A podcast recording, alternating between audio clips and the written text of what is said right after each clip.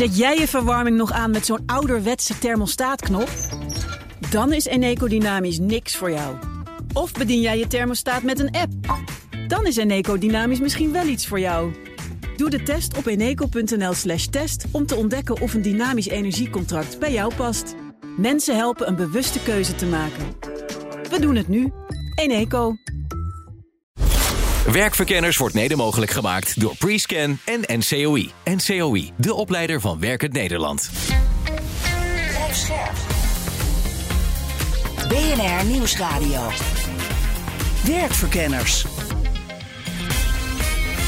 Rens de Jong. In deze BNR Werkverkenners kijken we naar purpose. Heeft dat misschien wel zijn beste tijd gehad op de werkvloer? Want ja, uitzendingen vol maakten we hoe belangrijk betekenis is in een baan. Maar ergens bekruipt ons het gevoel dat het daarmee wel een beetje gedaan is. Zometeen, wat denken mijn gasten daarover? Verder een vacature voor iemand die een tentoonstelling in een museum heel anders wil aanpakken. En in de carrière-kantelaar hoor je het verhaal van iemand die succesvol was in de bouw, maar niet gelukkig. Dat allemaal zometeen. Maar nu eerst het BNR Werkverkenners nieuws. Werkverkenners. Met, jawel, er is ze weer, Nelke van der Heijden. Dag Nelke. Dag Rens. Onze aanhoudende aandacht voor asielzoekers die wel willen werken, dat begint zijn vruchten af te werpen. Ja, ja. Vorig jaar gaf het UWV drie keer zoveel werkvergunningen af aan asielzoekers. En dan hebben we het nog steeds weliswaar maar over 2000, maar toch. En enig idee waarom het UWV er zoveel meer toekende in 2023? Ja, daar heeft het UWV zelf in elk geval ook wel een idee over. De uitkeringsinstantie geeft twee verklaringen. Ten eerste de krapte. Werkgevers staan zo te trappelen om goede mensen dat ze zelfs aan asielzoekers beginnen te denken. Maar dat verklaart ook weer niet echt dat het er drie keer zoveel waren als in 2022. Want ja, toen was er natuurlijk ook al wel krapte. Dus er is ook nog een tweede verklaring. Ja, ik weet wie het is. Dat is Elvis. Ja, precies. De Ja. asielzoeker. Ja, precies waar we aandacht voor hadden. Ja, die samen met Maarten van Panhuis een rechtszaak begon tegen het UWV en het ministerie. Omdat hij de dat je maximaal 24 weken per jaar mag werken van tafel wilde. Nou, dat is inmiddels tot en met het hoger beroep dan uiteindelijk gelukt. Maar ja, die uitspraak was wel pas eind november. En toen zat het UWV al aan meer werkvergunningen dan, eh, dan ooit. Maar hoe zit dat dan? Ja, waarschijnlijk is toch ook dat wij en andere media daar aandacht voor hadden. Is toch bij werkgevers het zaadje geplant van... hé, hey, Ja, er zijn ook asielzoekers en die willen eigenlijk best graag werken. Wat Ja. een kans is wat dit een voor kans. ons. Gewoon, ik hoorde bij BNR dat. Ja, en toen Precies. is het balletje Dus gaan rollen. Ja, die, die rechtszaak is wel degelijk een belangrijk deel van de verklaring. Ja, en, de die media heeft- aandacht voor ons daar Ja. dus ook voor. Ja. Goed, klein schouderklopje voor Nou, dat onszelf. klop je aan onszelf. Ja, goed zo. Dan een, een- nog een juridisch verhaal. Ja, een oud medewerker van de gemeente Nederweert was het zo oneens met zijn ontslag dat hij sindsdien de gemeente en allerlei medewerkers van de gemeente, dat doet hij nu al 14 jaar, want hij is 14 jaar geleden ontslagen, Oh bestookt met brieven en procedures. De gemeente is, daar, is nu naar de rechter gestapt en die concludeerde hier is sprake van juridische stalking. En hij heeft nu, eh, de rechter heeft nu een contactverbod opgelegd. Dus de man mag geen brief meer sturen, niet meer bellen, niet langskomen, niet meer procedures beginnen. Nou, dat is, dat is ook best wel een zware eh, maatregel die een rechter dan doet. Hè? Want Ja. iemand zeggen, nou, je mag geen procedure meer starten, is toch een beetje het recht ontzeggen. Wat heeft die man dan gedaan? Nou, hij heeft in elk geval meer dan duizend brieven gestuurd naar eh, medewerkers. En ze hebben allemaal met dat ontslag te maken. En in die brieven beschuldigt hij de gemeente en de medewerkers. Nou, ik noem even een paar dingen. Ja. Het is een selectie: liegen, smaad, corruptie, pesten, intimideren, discriminatie, misbruik van overheidsgeld en mijneet. Nou, die voormalig medewerker heeft zich ook 27 keer tot verschillende gerechtelijke instanties gericht. En ook nog tot allemaal andere instanties. En hij heeft nooit gelijk gekregen. Maar het heeft hem dus niet eh, tegengehouden om door te gaan. zeg. Nou, in die brieven begint hij ook met allerlei eh, juridische verzoeken waar de gemeente op moet reageren. Dus Mhm. ja, inmiddels is er één medewerker bij die gemeente gewoon fulltime eh, met deze persoon bezig. Maar goed, dat hoeft dus nu niet meer, want dat contactverbod is voor 20 jaar opgelegd. Zo zeg. Ik, ik denk ook dat een psycholoog wel een handige is voor deze meneer, Ja, toch? misschien ook klinkt ook eh, behoorlijk als een soort slachtoffer. Goed, dan een ander vast element vaak in dit eh, nieuwsblokje, namelijk de burn-out. Ja, en deze keer gaan we het er oplossingsgericht over hebben. Dat is fijn. Want het gaat erom hoe je als werkgever of leidinggevend of bedrijfarts daar nou het beste mee om kunt gaan. Nou, we zijn gewend dat mensen die uitvallen met een burn, dat je die vooral met rust moet laten en niet meer, vooral niet meer belasten. Nou, nu gaan er dus stemmen op om juist veel sneller en actiever met deze groep aan de slag te gaan. Nou, een van die stemmen is Boy Thijsens. Hij is voorzitter van de Nederlandse Vereniging van Arbeids- en Bedrijfsgeneeskunde. En hij zegt dat met vroeg interveneren en betrokkenheid veel resultaten boeken is. Misschien kunnen we hem eens even bellen. Laten we dat gaan doen. Boyd, ben je daar? Ja, ik ben er. Vooral met rust laten. Jij zegt dat moet je helemaal niet doen. Nee, klopt. Er is eigenlijk, het, is altijd, het antwoord is altijd genuanceerder dan, dan dat je het zwart-wit kan stellen. Maar er is een soort fine line tussen uh, goed bedoeld uh, met rust laten en overmatig veel druk zetten. Het zijn twee uh, kanten van een medaille. En daar ergens daartussenin is de ideale werkelijkheid. Dus mensen weken maandenlang met rust laten in de hoop dat ze dan vanzelf weer herstellen. Uh, gebeurt uiteindelijk ook wel, maar duurt denk ik veel langer dan uh, zou kunnen. Mm-hmm. En ongezond veel druk zetten, dat, daar heeft iedereen wel een bepaald idee bij. Dat werkt natuurlijk ook niet. Ja. Maar met begrip en tijdig uh, in contact treden met elkaar en tijdig interveneren, dat is uiteindelijk de beste weg om te herstellen. Maar laten we nu mensen dan vaak te alleen?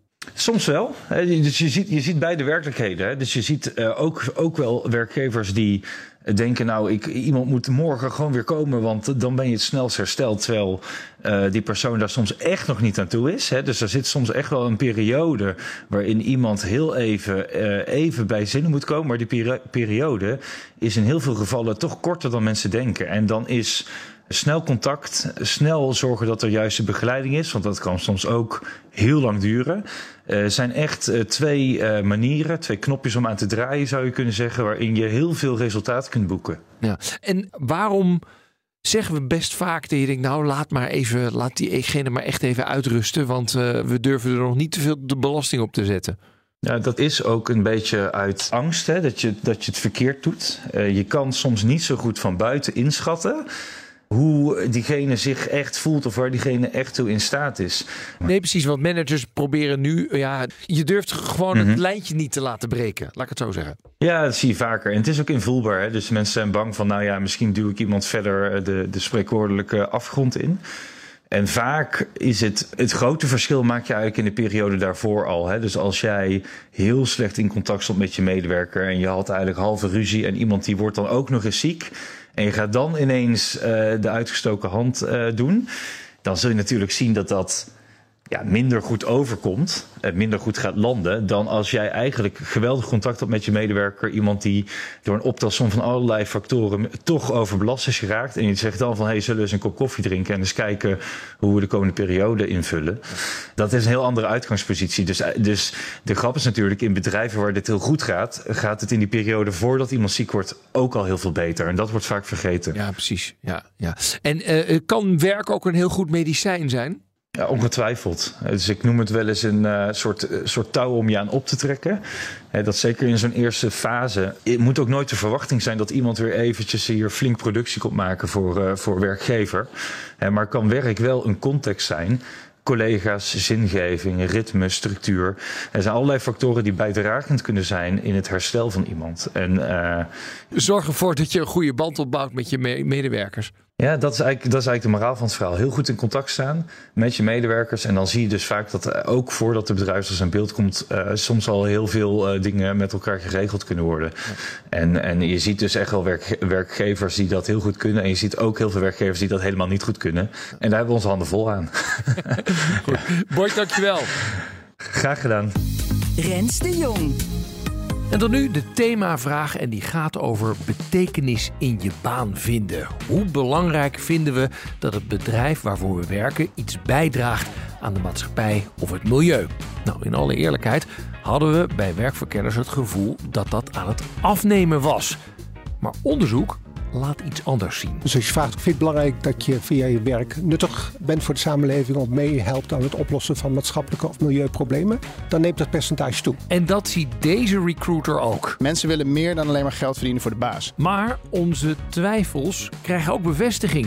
Eén gast noemt het de donkere kant van purpose. Bedrijven die allerlei grote beloften gingen maken over hoe je door het werken bij zo'n bedrijf van betekenis zou kunnen zijn en impact zou kunnen maken.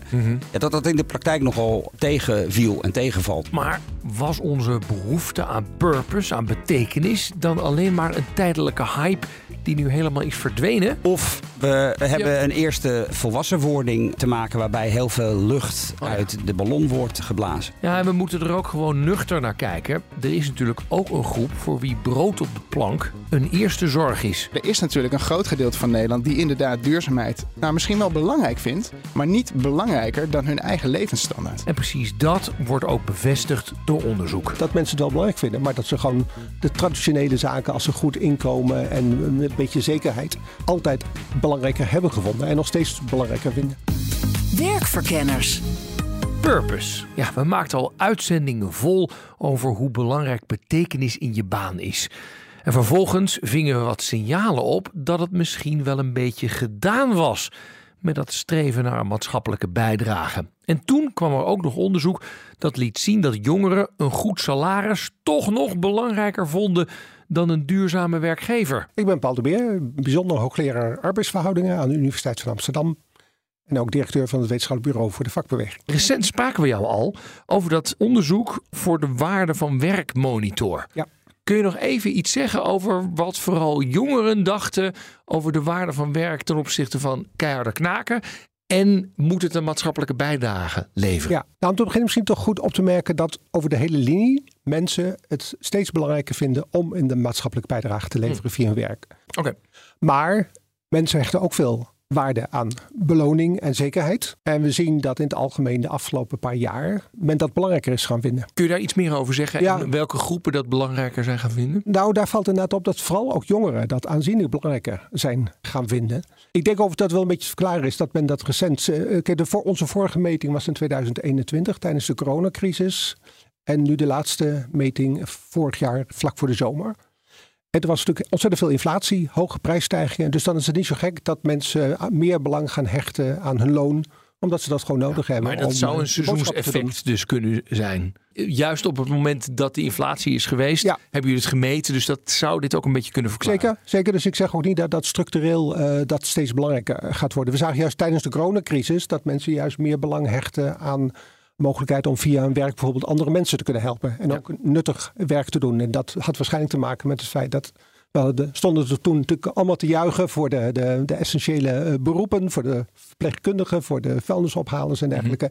Dus toen realiseerden mensen zich ergens meer dan alleen maar geld verdienen. Het gaat er ook om dat je bijdrage levert aan de samenleving. En dat is nu denk ik wat weggezakt. Ja. Jullie hebben ook eh, gekeken naar verschillende generaties. Hè? En toen bleek toch wel een beetje tegen de verwachting in dat oudere generaties meer bereid zijn om salaris in te leveren voor werk bij een duurzamere werkgever dan bijvoorbeeld millennials en Gen Z. Ja, dat klopt. En dat komt niet omdat die ouderen eh, bijdragen aan de duurzame samenleving en eh, werken bij een bedrijf wat eraan meewerkt belangrijker vinden. Het komt vooral omdat de jongere generaties, de, de millennials en generatie Z, een goed inkomen belangrijker vinden. Als je alleen kijkt naar de voorkeur om te werken bij een organisatie die duurzaam is, die bijdraagt aan de vermindering van uitstoot en dergelijke, dan scoren jongeren wel degelijk hoger dan ouderen. Ja. Maar als je gaat kijken naar hoe belangrijk ze vinden dat ze niet in salaris achteruit gaan, dan vinden de jongeren dat nog belangrijker. Ja. En dus als je die twee tegen elkaar afweegt, dan blijkt inderdaad dat de ouderen toch net iets vaker bereid zijn salaris in te leveren voor het werken bij een duurzaam bedrijf dan de jongere generaties. Kunnen we ook verklaringen krijgen waarom mensen dit willen doen? Nou, niet, helaas niet direct uit het onderzoek, omdat wij niet allerlei vragen gesteld hebben over bestedingspatronen en ambities en weet ik wat meer. Het is wel aannemelijk, denk ik, dat veel jongeren, vooral eh, denk ik geldt dat voor eh, mensen zo rond de 30, vaak natuurlijk op het punt staan dat ze een, misschien een gezin willen gaan vormen, kinderen willen krijgen, misschien een huis willen kopen, eh, vaak wil je ook wel een auto hebben. Kortom, je hebt vaak nogal wat ambities als het gaat om zaken die geld kosten. Ja. En dan kan je heel erg voorstander zijn van meer duurzaamheid. Maar vaak mag je aannemen dat mensen dan toch net iets meer gefocust zijn op hun eigen korte termijn belangen. Ja. Terwijl ja, de, de ouderen kun je aannemen dat die vaak eh, inmiddels al een fatsoenlijk huis hebben, een auto hebben waar ze nog wel een tijdje mee toe kunnen en niet nog eh, opnieuw kinderen gaan krijgen. Dus die kunnen het zich waarschijnlijk ook iets makkelijker permitteren. Kan het zo zijn dat we dit de eerste signalen zijn dat de werkvloer zegt, nou, misschien waren we ook een beetje doorgeslagen? Ik denk het niet. Nee? We stellen bijvoorbeeld wel iedere keer, en we doen dit onderzoek om de twee jaar, de vraag of mensen voorstander zijn van een, eigenlijk een andere leefstijl. De vraag bijvoorbeeld, zou je het goed vinden als er minder nadruk komt op geld en bezit? Of zou je het goed vinden als we een meer, een wat eenvoudiger, meer natuurlijke eh, leefstijl zouden krijgen? En op dat soort vragen eigenlijk meten. Ja, Willen mensen meer Ja. immaterialistische of postmaterialistische levenswijze? Daar zijn heel veel mensen voorstander van. En dat neemt bovendien toe Neemt in de toe. tijd. Dat Ja. neemt toe, ja zeker. Want als je kijkt bijvoorbeeld naar, naar de verkiezingsuitslag, daar zijn toch ook heel veel partijen gekozen die zeggen: Nou jongens, laten we nou niet met al dat duurzaamheid niet al te hard van stapel lopen. En ik moet mijn barbecue ook nog steeds kunnen Ja. aansteken. En jeetje, al dat, al dat eh, dat, dat zijn toch eh, grote partijen in Nederland geworden. Dus dan zou je dit misschien niet helemaal verwachten. Nou, ik denk dat eigenlijk het belangrijkste verschil misschien is tussen de jongere en de oudere generaties, wat dat betreft. En dus misschien ook zegt dat iets voor de toekomst, is dat jongere generaties op, op allerlei verschillende terreinen eigenlijk meer willen. Mhm. Dus ze willen een andere samenleving. Ze willen inderdaad minder nadruk op geld en bezit. Een eenvoudigere levenswijze. Ze vinden het ook belangrijk eh, om te werken voor een duurzaam bedrijf.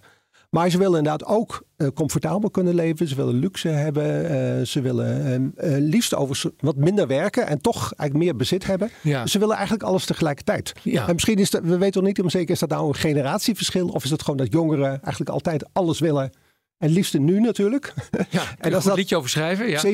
En als dat laatste de, de doorslag geeft, dat je het vooral nu wil hebben, ja, dan heb je natuurlijk kans dat de dingen die voor de lange termijn zijn, zoals duurzaamheid, toch een beetje eh, ondergeschikt worden aan op korte termijn gewoon een goed inkomen, een zekere baan en een beetje prettig kunnen leven. Hoog tijd om de onderzoeksresultaten in de praktijk te toetsen. Een recruiter weet natuurlijk bij uitstek wat mensen nu zoeken in een baan. Ik ben Jas Schul. Ik eh, geef trainingen aan bedrijven. Voornamelijk hoe ze aan sollicitanten moeten komen. En hoe ze dus eigenlijk betere werknemers moeten krijgen. En eh, mijn achtergrond zit heel erg in de recruitment. Ja, jongeren. Wat is jouw indruk? Wat vinden zij van dat het werk ook moet bijdragen aan de maatschappij en milieu, et cetera? Nou, ik denk wel dat dat wel degelijk inderdaad een trend is. Meer dan ten opzichte van vroeger. De vraag alleen is, hoeveel procent van de jongeren vindt dat? Ik denk dat het een groter percentage dan voorheen dat vindt. Maar nog steeds, ik ga er niet van uit dat dat de meerderheid is die dat vindt. Hm. Eh, maar je ziet wel degelijk dat, dat als het gaat over duurzaamheid, over eh, purpose, moet Waar, ergens waar zie jij dat aan? Of waar hoor jij dat aan? Nou, ik heb natuurlijk heel veel te maken met sollicitanten en met bedrijven. En daar zie je gewoon dat het gewoon dat het dingen zijn die ze echt zoeken in vacatures. En bedrijven die ergens voor staan, een bepaalde missie hebben, die lukt het veel makkelijker om sollicitanten te overtuigen om voor ze te komen werken. En je ziet dat bedrijven die dus echt, ja, waar het puur gaat om het geld verdienen, die hebben ook wel hun mensen, maar dat zijn dan echt specifiek mensen die daarvoor gaan. Maar eh, de meeste jonge mensen willen toch wel meer dan alleen maar geld verdienen. Ja, ik begrijp dat jij niet zo houdt van het woord purpose. Nee, ik vind dat een beetje een marketingterm. En dat wordt vrijwel nooit gebruikt door andere mensen dan marketeers. En purpose, ik vind het veel te zwaar. Ik vind het veel te zwaar. En dan krijg je dus dat dingen als een hype worden bestempeld. En dan merk je ook dat het op een gegeven moment weer minder wordt. Ik denk dat als je gewoon kijkt naar voldoening, zingeving. Ik denk dat dat van alle tijden is. En ik denk dat iedereen zich daar veel beter in kan herkennen. En purpose is, ja, is, gewoon, is gewoon echt een hype. Ja, Ja. dat klinkt niet lekker ook. Nee. Nee, en, en daarom is het misschien wel te verklaren dat we nu purpose misschien weer een beetje op zijn retour zien, eventueel. Ja, nou dat denk ik. Hè. Op basis van het onderzoek bleek dan dat, dat, dat jonge mensen dus waarschijnlijk eh, minder bereid zijn om geld in te leveren in ruil voor duurzaamheid. Dus er wordt gezegd, ja, is die purpose dan op zijn retour? Nou, dat denk ik niet. Eh, absoluut niet. Het is maar net wat je eronder verstaat. Mm. En, en de vraag is, is purpose misschien niet te veel gehyped? Ja. Ik, ik vrees namelijk, kijk, als je, ik, ik durf er geen percentage aan te hangen, maar als je gaat kijken naar alle jonge mensen, hoeveel procent wil bij een duurzaam bedrijf werken? Ik heb geen idee. Zou het de 30, 40 zijn? Dan is nog steeds de meerderheid die dat minder belangrijk vindt. Want jij zegt, ik merk dus wel aan jongeren dat ze een bedrijf belangrijk vinden dat enige impact heeft op de maatschappij. Een zinvol bedrijf is. Ja, ja, en er is ook een onderzoek waar ik vaak gebruik bij de trainingen van Randstad. Die doen elk jaar onderzoek naar allerlei eh, sollicitanten en wat zij dus belangrijk vinden in een baan. En dan zie je ook echt dat de jongste generatie, Gen Z, dat die echt bovengemiddeld veel waarde hecht aan dingen als kwalitatief goede producten en diensten bijvoorbeeld. Dus Ja. echt het product dat je levert. Dat onderzoek komt gewoon stevast uit dat salaris en arbeidsvoorwaarden gewoon op één staan. Mm. Dat vindt men gewoon het belangrijkste. Maar dat betekent niet dat ze een rotbaan prefereren eh, voor het geld. Het gaat er gewoon om. Mensen moeten een bepaalde mate van inkomen hebben. Ze moeten kunnen voldoen aan hun lasten. En ja, daar zit gewoon de crux. Dus ik, ik, ik geloof zelf al dat in, hè, als je die piramide van Maslow hebt. Nou, dat heb je eigenlijk ook bij mensen die een baan zoeken. Ze zoeken naar een bepaalde mate van voldoening. En dat kan dus eerst zijn. Eerst hebben ze genoeg geld nodig. Dan moeten ze leuke collega's hebben. Dan moeten ze kunnen thuiswerken. Dan moeten ze een goede werk-privé-balans hebben. En als dat allemaal op orde is, dan komen zaken als voldoening en duurzaamheid. Dat komt dan naar voren. Ja, maar dan is even de vraag. Als je het over die soort met van eh, de piramide van Ma- Maslow van Maslow, werk ja. hebt. Ik vind hem leuk bedacht.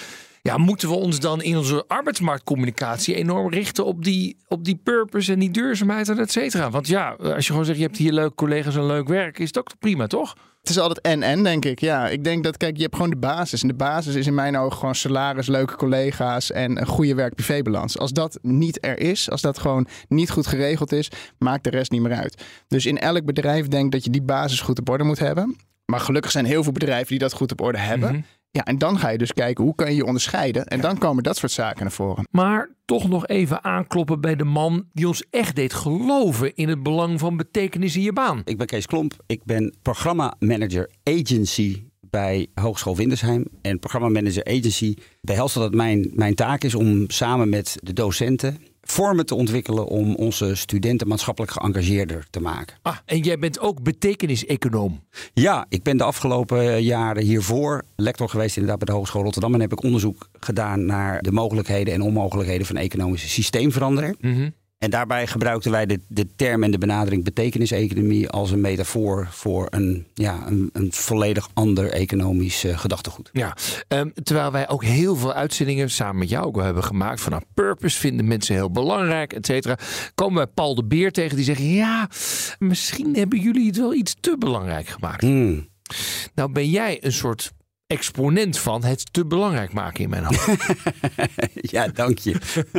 dus we dachten een revisited. Ja, heel goed. Nog eens een keertje Heel praten goed. met elkaar. Ja. Eh, is het eigenlijk wel zo belangrijk? Of hebben wij het, omdat het een nieuw dingetje was, te belangrijk gemaakt? Nou, ik denk een beetje van beide. En het is geen laf antwoord, maar ik denk echt oprecht dat het, eh, dat, dat het is. Kijk, ik, ik denk dat, en daar hebben wij het ook eerder over eh, gehad. Kijk, purpose is een term die, zoals heel vaak eh, gebeurt in het bedrijfsleven, en dan een soort buzzword eh, wordt. En ja, dan wordt het gebruikt, gevormd tot een manier dat bedrijven er iets mee kunnen. En wat ze ermee kunnen is over het algemeen vrij overzichtelijk. Dat is meer spullen verkopen, hogere winsten maken. Want dat is toch uiteindelijk het doel van heel veel bedrijven. En ik denk dat wat we de afgelopen tijd ehm, mee hebben gemaakt met, met Purpose... is, je zou kunnen zeggen, de soort van de, de donkere kant van, eh, van Purpose.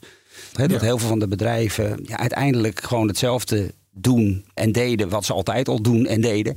Alleen met gebruik van eh, grotere eh, beloften. Dus ik denk dat, er, ik denk dat dit, het proces van onnuchtering... van ja, waartoe zijn bedrijven nu op, op aarde... een heel belangrijk Ja. onderdeel is geworden van dit verhaal. Oké, maar dat is aan de, de bedrijvenkant. Het is een soort greenwashing 2.0 eigenlijk. Hè? Het is een soort Ja. purpose washing. Maar hier, uit dit onderzoek bleek dat ook de, de medewerkers zelf, dus gewoon de werkenden, Ja. eigenlijk niet zo heel belangrijk vinden. Terwijl ik kan een heel rijtje maken van HR-managers die zeggen: ja, maar we moeten onze purpose voorop Ja. zetten. Dus ik denk, zijn we daar dan ook met z'n allen in een soort val getrapt? Nee, nou ja, ook, ook hiervoor geldt. Ik denk, dat er, ik denk dat er heel veel voorbeelden zijn van HR-managers die geconfronteerd worden ehm, met medewerkers die wel degelijk veel meer dan gemiddeld behoefte hebben aan, aan zingeving en zelfactualisatie en ontplooiing. En allerlei eh, andere aspecten willen integreren. Maar wat we denk ik ook niet moeten vergeten, en ik denk dat dat een, eh, echt een hele belangrijke factor is en een verklaring voor wat er hier gebeurt, is dat we natuurlijk in een hoogst onzekere, onveilige tijd leven. Hè? en, en ik merk ook aan mijn eigen studenten. Ik heb toevallig als onderdeel van mijn afscheidstournee bij Hogeschool Rotterdam eh, met een aantal verschillende instituten mogen werken, waaronder ook met de communicatieopleiding. en dan ben ik met studenten eigenlijk aan de slag gegaan eh, met ja, wat houdt jullie nou maatschappelijk bezig en eh, zouden jullie communicatie kunnen maken om bij andere studenten aandacht te vragen voor onderwerpen die jullie bezig eh, hielden. En daar kwam, studenten mochten dat helemaal zelf bepalen. En daar kwam echt, ja, by far met nummer één, kwam daar toekomststress naar voren. Ja. En ik was nog in de veronderstelling in eerste instantie van... oh, ze maken zich natuurlijk heel veel zorgen over klimaat... en, eh, en over biodiversiteitsverlies, hè, grote thema's. Daar ging het helemaal niet om. Het ging over het feit, en er was een meisje die het verwoordde... en ik vond het heel ontroerend en ook super begrijpelijk. Zij vertelde, ze had eerst het mbo gedaan... En met heel veel succes. En toen zeiden iedereen om haar heen van je moet het HBO gaan doen. Want als je het HBO gaat eh, doen, heb je en betere arbeidskans. Want met MBO kun je eigenlijk niks meer eh, worden vandaag de dag. Maar HBO, dan eh, kun je een goed salaris eh, verdienen. En dat ging ze doen. En ze heeft het fantastisch gedaan. Echt een geweldige meid. En ze weet nu al, hè, ze moet nog een paar maanden, maar zij heeft baangarantie. Zij weet zeker een baan te vinden. Ja. En zij vertelde ook, zij had tijdens haar studie haar vriendje ontmoet. En die deed ook goed. En ook hij wist met zekerheid dat hij na zijn studie een eh, goede baan zou kunnen vinden in communicatie. En zij vertelde, de stress die wij hebben zit om het feit dat wij nu al weten, dat wij de eerstkomende vijf jaar, wij kunnen niks kopen. En zij vertelde van, zij zegt, er gaat zo'n intense stress vanuit. Dat je aan alles voelt dat je er klaar voor bent, maar het wordt je onmogelijk gemaakt. Mm. En ik denk dat heel veel jonge mensen grotere materiële zorgen hebben dan wij met elkaar eh, bedenken. Straks de vraag of we het belang van purpose in je baan gewoon altijd hebben overschat. Of dat er nu een ontwikkeling gaande is waardoor we er minder aan toekomen. Maar nu eerst werk voor iemand die graag buiten de lijntjes kleurt. De vacature. Dan is het nu tijd voor een opvallende vacature. Zoals je weet, hè, iedere week gaan we op zoek naar bijzondere joboffers. Met vandaag een aanbod voor doorgewinterde verhalenvertellers. Het Hart Museum, eh, voorheen de Hermitage, is op zoek naar een storyline developer. Nou, ik ben benieuwd wat dat nou precies is. We gaan eens even bellen met de directeur. Met Annabel Bini. Dag Annabel met Rens de Jong van BNR. Hallo. Een storyline developer voor het museum. Ja, daar hebben wij nou behoefte aan, Ja. vonden wij in Amsterdam en zeker in het Hartmuseum. Want eh, eh, leg eens uit, want ik denk dan altijd een curator stelt een tentoonstelling samen. Maar is dit nou een moderne naam voor een curator of zoek je echt iets heel anders? Nou, normaal gesproken in musea stelt eigenlijk één of soms met een gastconservator eh, persoon de tentoonstelling samen. Mhm. En wij vonden dat het, de verhalen die dan verteld worden altijd uit het perspectief van die kunsthistorische wetenschapper, onderzoeker en tentoonstellingsmaker gegeven worden. Terwijl de maatschappij natuurlijk veel breder is dan alleen de wereld van de conservator die de tentoonstelling maakt. Mhm. Dus we hebben gekeken om andere mensen dan conservatoren te betrekken bij het vertellen van de verhalen die we aan ons publiek willen laten zien. En we hebben die geformuleerd als storyline developers Ah ja. omdat ze echt samen met het team dat de tentoonstelling maakt, één verhaallijn voor hun rekening nemen. Die ze eigenlijk vanuit hun eigen ideeën en vanuit hun eigen perspectief in de tentoonstelling kunnen inbrengen. Maar is het dan ook dat je een soort met van eh, gewoon, gewone burgers zoekt? Die dan. Ja, we zoeken mensen die eh, een andere achtergrond hebben dan de mensen die de tentoonstelling al maken. Want die hebben we al. Mhm. En we merken aan de reacties dat eh, de advertentie die we geplaatst hebben ook op die manier overkomt. Want uit alle hoeken en gaten van de stad en van het land eigenlijk ook wel melden mensen zich aan eh, voor, voor deze, deze rol. Ja, want wat voor, wat voor mensen melden zich nu al aan? Nou, natuurlijk ook veel kunstenaars. Ja. Maar ook mensen die helemaal eh, niet echt iets met het beeldende kunstvak te maken hebben, zoals muzici. Er is ook iemand die een video heeft ingestuurd om te reflecteren op het onderwerp Kandinsky bij wijze van brief. Dus het gaat eigenlijk alle kanten op. Er zijn veel jonge mensen bij, wat Ja. wij ook ontzettend fijn vinden. Leuk. Omdat zij natuurlijk uit een wereld komen die normaal gesproken wat onder de leeftijd van de gemiddelde conservator eh, in Nederland ligt. Dus met deze innovatieve stap denken wij een bredere tentoonstelling te kunnen maken die veel meer stemmiger is dan wat we tot nu toe voorgeschoteld krijgen in de Nederlandse musea. Ja. En dit is, wat je zei het al, het gaat over de Russische kunstenaar Vassili Kandinsky. Eh, Klopt. eh, eh, dit is dus alleen voor deze tentoonstelling zoek je zo'n storyline developer. Ja, we gaan het in andere tentoonstellingen ook doen. We krijgen hierna nog een fantastische tentoonstelling over David Leventhal. En we gaan ook nog alle Rembrandts van de Kaplan-collectie naar Nederland halen. En daar gaan we ook weer op die manier werken. Want we willen eigenlijk continu eh, met meerdere perspectieven en meer stemmigheid in die, in die tentoonstellingen gaan werken. Ja, nou, eh, ongelooflijk leuk. Ik zat even te kijken. Volgens mij is de vacature nu al niet meer te zien, want je bent gewoon overspoeld. We zijn toch? overspoeld, ja, we zijn echt overspoeld. En we zijn een kleine organisatie Ja. en we willen toch mensen goede feedback geven op die brief. Maar het waren al meer dan 130 reacties. Oh, dus ja. toen hebben we op een gegeven moment gezegd, nu moeten we hem toch maar van het net afhalen. Maar in de volgende, bij de volgende tentoonstelling en de volgende ronde zullen we weer advertenties plaatsen. Oké, En eh, dan eh, gaan we weer vrolijk verder met dit leuke aanbod voor eh, de arbeidsmarkt. dankjewel. Graag gedaan. Rens de Jong. Oké, voor deze specifieke tentoonstelling ben je dus waarschijnlijk te laat. Maar spreekt het je aan, houd het dan in de gaten, want er komen nieuwe kansen. Terug naar de themavraag over purpose en of dat er nog wel toe doet. Bijzonder hoogleraar Paul de Beer die gelooft niet dat de recente verkiezingsuitslag betekent dat purpose inderdaad een hype was waar we nu klaar mee zijn. Mijn indruk is toch dat de politieke keuze bij de verkiezingen nu toch vooral bepaald is door de sterke nadruk op migratie en veel minder bijvoorbeeld over het thema duurzaamheid. Daar is natuurlijk ook wel het een en ander over gezegd. Maar dat denk ik dat het toch een beetje ondergeschikt was aan dat hele migratiethema. Hmm. En daar geldt natuurlijk dat mensen ja, toch een beetje, denk ik, angst wordt aangejaagd over een, een, een vloedgolf die over ons heen zou komen. En die al onze voorzieningen in gevaar zou brengen. Wat natuurlijk een enorm gechargeerd beeld is. En dat kan ertoe leiden dat ze dan eventueel voorkeur voor een meer, meer duurzame samenleving, waarvoor ze misschien op een andere partij moeten stemmen, ja, dat dat dan toch eventjes ondergeschikt is aan die uh, angst voor, uh, voor de golf van migranten. Ja.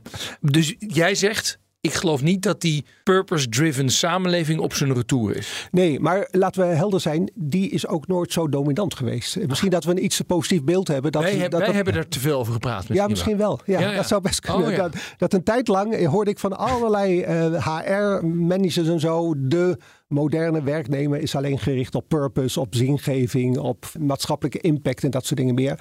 Nou, uit onze eerdere onderzoeken bleek ook al niet dat dat belangrijker was dan het beloning. Oh, dat, maar dat is, dat is inderdaad wel leuk, want dan zijn wij als de media uh, en, en al die mensen die content maken, zijn enorm bezig met dat. Kun je dan aangeven wat vinden mensen in een baan het allerbelangrijkste? Kun je een top 5 dan ja, geven? Ja, die kan ik heel goed uit. En die is ook vrij consistent. Oké. Okay. Inhoudelijk leuk werk. Dat is verreweg het belangrijkste. Prettige mensen om mee samen te werken, dat is verreweg het belangrijkste daarna. en daarna komt een tijdje niks. En dan krijg je zaken als uh, zeggenschap over je werk, of autonomie, ontwikkelingsmogelijkheden, ontplooiingsmogelijkheden. En nu in onze laatste meting van vorig jaar komt daarna inderdaad goed loon. Dus dat staat nu op plaats 5.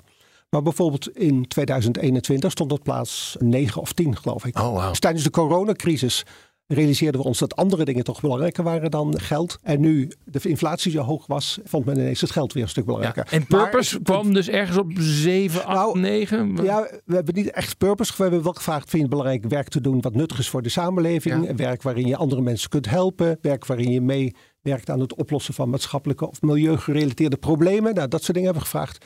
En die zitten allemaal een beetje onderaan.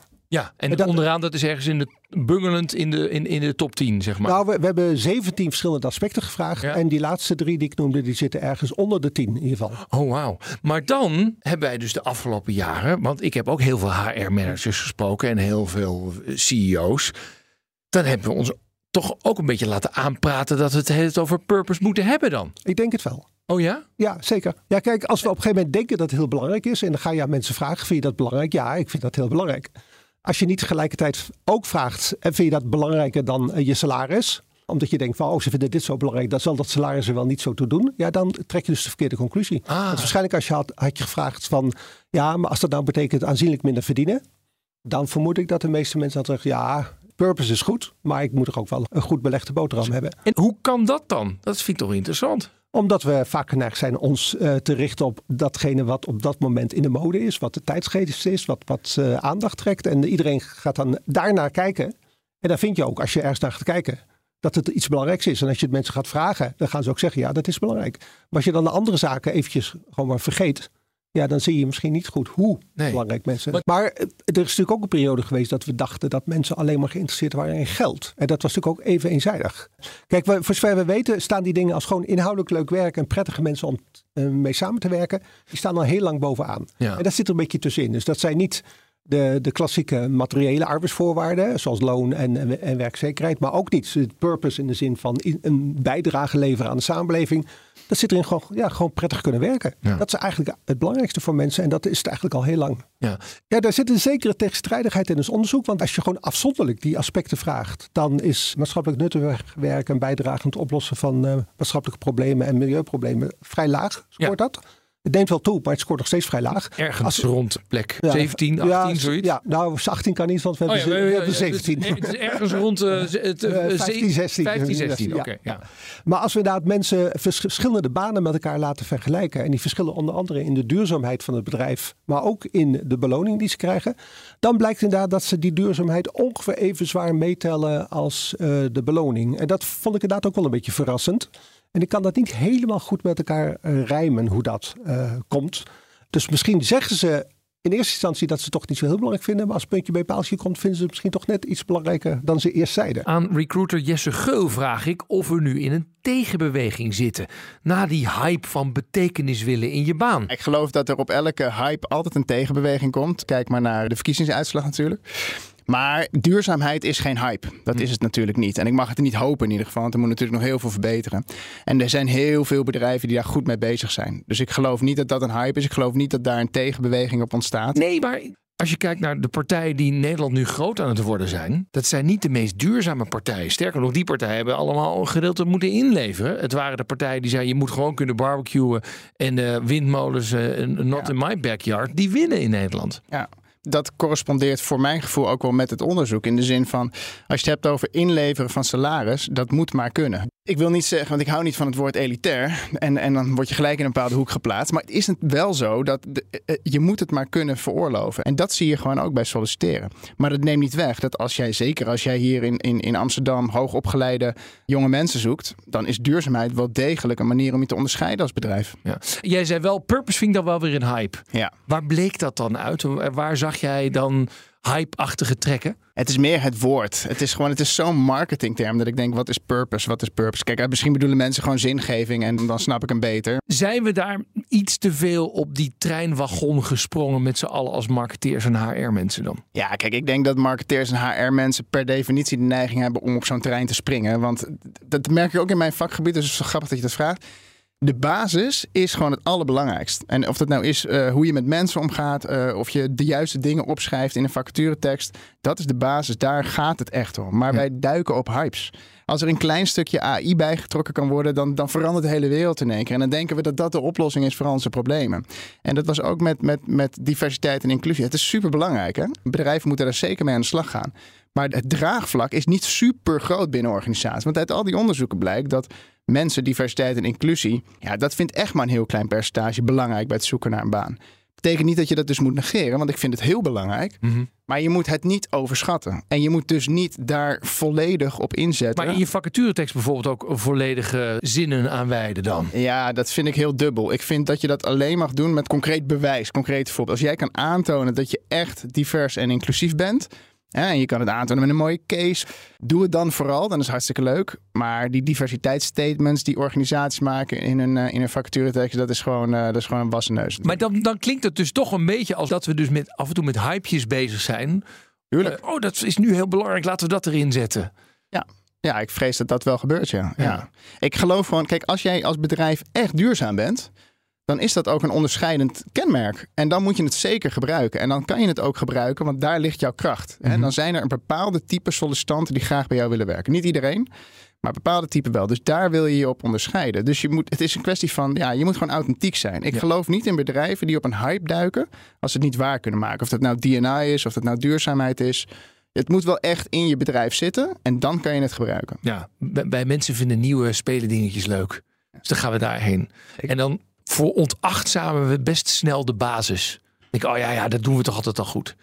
Is dat jouw conclusie dan ook? De jongens, hou nou die basis goed. Ja, ja dat is. Ik word altijd gevraagd voor trainingen en voor spreken. En dan willen ze altijd willen ze nieuwe, nieuwe snufjes. En ze willen quick wins. En ze willen shortcuts. En ze willen weten hoe ze nu wel aan die 80 sollicitanten kunnen komen. En ze geloven elke keer dat daar een dat daar een, een, shortcut voor is. En die is er niet. Die is er niet. Het gaat om de basis goed doen. Het gaat erom dat als een sollicitant belt, dat je reageert. Het gaat om dat als een sollicitant solliciteert, dat je binnen een dag contact opneemt. Als iemand afgewezen wordt, wijs je iemand netjes af. Geef je iemand feedback. Die basis, die hebben heel veel bedrijven niet goed op orde. Of in ieder geval, daar kunnen ze veel aan verbeteren. En daar zit veruit de meeste winst. En dat is ook hetgene wat onveranderlijk is ongeacht welke technologie er eh, volgend jaar bij komt, omgaan met mensen en hoe je dat doet, die processen zullen altijd blijven. En daar moeten bedrijven veel meer op inzetten in plaats van op die hypes, die maar een klein beetje verbetering kunnen doorvoeren. Betekenis-econoom Kees Klomp gelooft niet dat de behoefte aan bijdrage aan de maatschappij helemaal weg is. Maar het neemt wel een andere vorm aan. Ik vind dat die betekeniseconomie eigenlijk nu een volgende fase ingaat van volwassenwording. Hè. Dus ik denk dat heel veel van datgene wat wij nu betekeniseconomie noemden, eigenlijk gewoon oude economie was met een, eh, een, een, een iets betekenisvoller jasje. hè. Mhm. Ik heb niet de illusie dat heel veel van de bedrijven die zich met purpose hebben bezig gehouden, daadwerkelijk gedreven werden om de wereld met hun bedrijven een klein beetje mooier eh, te maken. Ik denk dat zij vooral bezig waren om de consument, en of dat nou een werkende consument is of een, een aanschaffende consument, het vooral naar de zin te maken in de zin van ons bedrijf eh, deugt, eh, zeg maar. Hè? Dus ik denk dat dat vooral speelde. Dus ik denk dat, ik denk dat de, de, de intentie van ondernemers om daadwerkelijk een bedrijf te creëren vanuit brede waardecreatie niet veranderd is. Alleen dat we nu tot de conclusie komen dat de groep mensen die daar daadwerkelijk mee bezig zijn vele malen kleiner is dan dat we in eerste instantie dachten. Ja. Ja, dus ik zie de ontwikkeling en ik erken hem ook volledig. En ik vind ook, ik vind ook, ik vind ook belangrijk dat we hem erkennen. Ik vind ook belangrijk dat we erkennen dat we, eh, ook ik, dat we misschien wel door zijn eh, geslagen in het, eh, in het hebben van een roze bril. Maar ik vind het een, een te makkelijke en een te kort, door- kort door de bocht conclusie om te zeggen, nou, dan, wat zal het volgende eh, worden? Want dit was blijkbaar een trend die over is. Ik denk dat de transitie waarin we zitten naar een fundamenteel ander economisch systeem onlosmakelijk en onvermijdelijk gaande is. Het, hu- het huidige economische systeem kan niet voortbestaan. Mhm. En ik durf er vergif op in te nemen dat die, dat die nieuwe economische realiteit die ontstaat, zal gaan over brede waarden. Ja. Ja, brede welvaart, brede waarden, waarin we gaan erkennen dat bedrijven niet alleen maar op aarde zijn om geld te verdienen. Dat consumenten er niet alleen maar zijn om goederen te, te verwerven. Maar dat we uiteindelijk allemaal gedreven worden door geluk. Het gaat alleen eh, niet zo snel als wij misschien wel dachten. Nee, dat denk ik ook. Nou ja, of we hebben een eerste volwassenwording. Zo gaat dat met volwassenheid. Dan eh, Ja. heb je af en toe ook een teleurstelling te verwerken.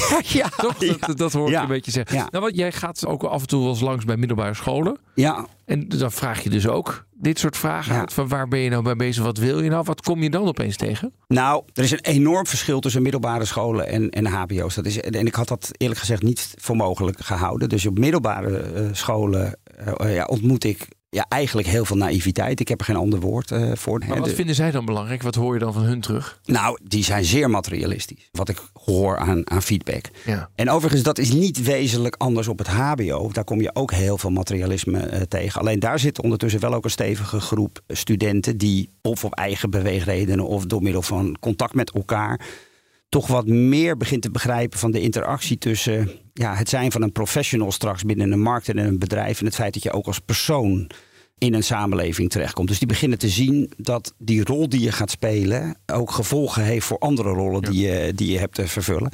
Ja, en dan begint er eh, wat meer realiteitszin in te, in, eh, in te komen. M- Maar ook hiervoor geldt, en ik zie dat ook, ehm, dat er wel zeker een materialistische tendens Ja. eh, gaande is. Om een voorbeeld te noemen, ik hoorde een student eh, laatst iets eh, zeggen in een context, niet, ik, niet tegen mij, maar tegen een andere docent. Die was extreem materialistisch en extreem egocentrisch. Hè. Dus het was een jongen en die zei letterlijk: Ik wil maar één ding, en dat is voor, ik wil voor mijn 35ste financieel onafhankelijk zijn. Het enige wat ik in geïnteresseerd ben, is hoe snel kan ik rijk worden. En dan weet je het al, dan gaat het natuurlijk ook over crypto. Ja. nou, dit was er zo, hè? Ja. Maar hij zei er iets bij en dat raakte mij diep, omdat ik dacht van kijk, als je dit aan de oppervlakte bekijkt, hoor je alleen maar materialisme. Maar hij zei letterlijk, hij zei ik doe dat omdat ik niets meer verwacht van de samenleving. Ik verwacht niets van de samenleving. Ik moet voor mezelf en voor de mensen waarvan ik hou zorgen. En de enige manier waarop ik dat kan doen is met geld. En dat vind ik een interessant gegeven, want ik denk dat dat iets is wat steeds wijder verbreider aan het worden is. Dat steeds meer mensen enorm teleurgesteld raken in de samenleving en in datgene wat we met elkaar delen. Ja, en dus noodgedwongen ook naar zichzelf gaan kijken en zeggen van ja, als ik het, als ik het zelf moet doen, dan moet ik wel, en dan is geld toch een hele eh, belangrijke factor. Ja, en dus zeg je eigenlijk van misschien zit die wil er wel onder om meer van betekenis te zijn voor elkaar en als een maatschappij. En na te denken, hoe willen wij met elkaar leven? Maar omdat mensen zo teleurgesteld zijn, denken ze, nou, het schijnt dat ik het zelf moet oplossen. En dan is geld het Ja. hoogst, hoogst haalbare. Nou ja, en dat niet alleen. Ik bedoel, jullie krant, Financieel Dagblad, maakte laatst nog een eh, reportage over een heel groot en tot een tijdje geleden behoorlijk succesvol recyclebedrijf. Ja. Wat moet gaan stoppen omdat het maken van virgin plastic goedkoper is dan gerecycled plastic en dus gewilder is. En dat is ook een realiteit dat heel veel van de ondernemingen die daadwerkelijk purpose serieus nemen en dus niet materiële waarde creëren, Dat zijn bedrijven die hogere kosten eh, maken. En die zijn in de markt die we nu hebben eh, geacteerd, worden die extreem benadeeld. Die, die zijn gewoon minder solide. En dat zien die studenten ook. Ja. Die, die, die, die zien die bedrijven en die zeggen van ja, ik kan wel met mijn goede gedrag het beste jongetje van de klas eh, zijn. Maar als ik niet ga vliegen of vlees eet, maar mijn buurman doet het wel, wat de fuck heeft het voor zin? En als ik een bedrijf begin en ik ga mij netjes houden aan eh, de spelregels. En ik sterker nog, ik ga. Ik word ontzettend sociaal en ecologisch en ik ga echt investeren in mensen en milieu. Dan ben ik verdomme mezelf aan het straffen, want mijn positie op de markt neemt af. Is dat dan inderdaad een teken dat je denkt, nou, we hebben zo allemaal het vertrouwen verloren. Laten we gewoon maar weer voor onszelf gaan, want dat was het makkelijke pad. Nou, ik denk dat dat een te grote conclusie is. Ik, denk, wel- ik weet zeker dat de onzekerheid en de onveiligheid van de situatie een belangrijke factor is. Dat mensen da- daardoor bij zichzelf te raden gaan. Ik denk, dat, ik denk dat heel veel mensen ook worstelen met het erkennen en het herkennen van zelf het vertonen van deugdzaam gedrag, het nadrukkelijk goed willen doen. En dan vervolgens eigenlijk op geen enkele wijze daar bevestiging van, eh, van, te, van te vinden. Oh ja. Hè, dus, dus, dus kijk, als het nu zo zou zijn dat die. Stelt dat zo'n recyclebedrijf fenomenale successen zou behalen. en alle ondernemers erover zouden praten. van in het wauw. winnende team. Ja, daar wil je bij horen. Weet je, dat is toch een beetje waar het eh, op zit. Dus en, en, en nou, ja, niet vliegen, dat zegt het al. Of geen vlees meer eten, dat is allemaal minder. Dat is allemaal, we mogen van niks meer. Ja. Dus ik, ik, ik denk dat er een hele vervelende negatieve connotatie omheen eh, zit. En ik denk wel, ik ben een van de mensen die dat ook eens is als we het hebben over reflectie op de uit, eh, verkiezingsuitslag van 22 november. Ik denk dat dat ook heeft te maken met het feit dat progressieve krachten. Ik, ik vind zelf het onderscheid tussen links en rechts een beetje onzinnig. Maar ik, ik herken wel dat er progressieve krachten zijn en conservatieve krachten. En ik denk dat progressieve eh, krachten gewoon een, een heel slecht verhaal hebben. Ja. We hebben gewoon, er is gewoon geen goed verhaal waar, waar mensen in willen geloven. Ja. Ik denk dat een heel belangrijk element inderdaad is dat er een, een heel negatief verhaal rondom om purpose heen is gaan hangen. Het gaat over problemen, het is zwaarmoedig, het komt nooit meer goed. Slecht verhaal hoor. Oké, hoe zit het nou met purpose en ons behoefte om iets bij te dragen aan een mooiere wereld in ons werk?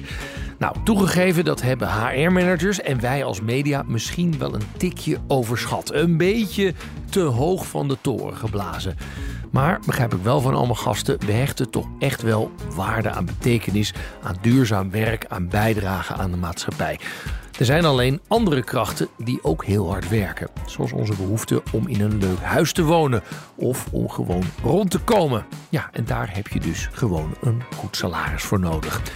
En ook wel een mooi inzicht: purpose, betekenis. Het heeft een heel negatief verhaal. Het gaat nu vooral over wat je allemaal niet meer mag: vliegen, vlees eten. En dan niet waar het naartoe kan leiden. Een mooiere wereld, levensgeluk. En dus daar, aan het positieve verhaal van die purpose, daar is ook echt nog werk aan de winkel. De carrièrekantelaar. Laatste onderdeel van deze uitzending, de carrièrekantelaar. In deze rubriek hoor je hoe iemand op een gegeven moment wist: het roer moet om. En vandaag bellen we met Pim Vermeulen. Dag Pim. Hey Rens. Hey, na je studie eh, Strategic Management heb jij gestudeerd. Eh, ging je in het bouwbedrijf van je vader werken. En daar deed je meteen allerlei mooie dingen, hè? Vertel eens. Ja, dat klopt. Ehm, het begon eigenlijk dat ik daar al werkte.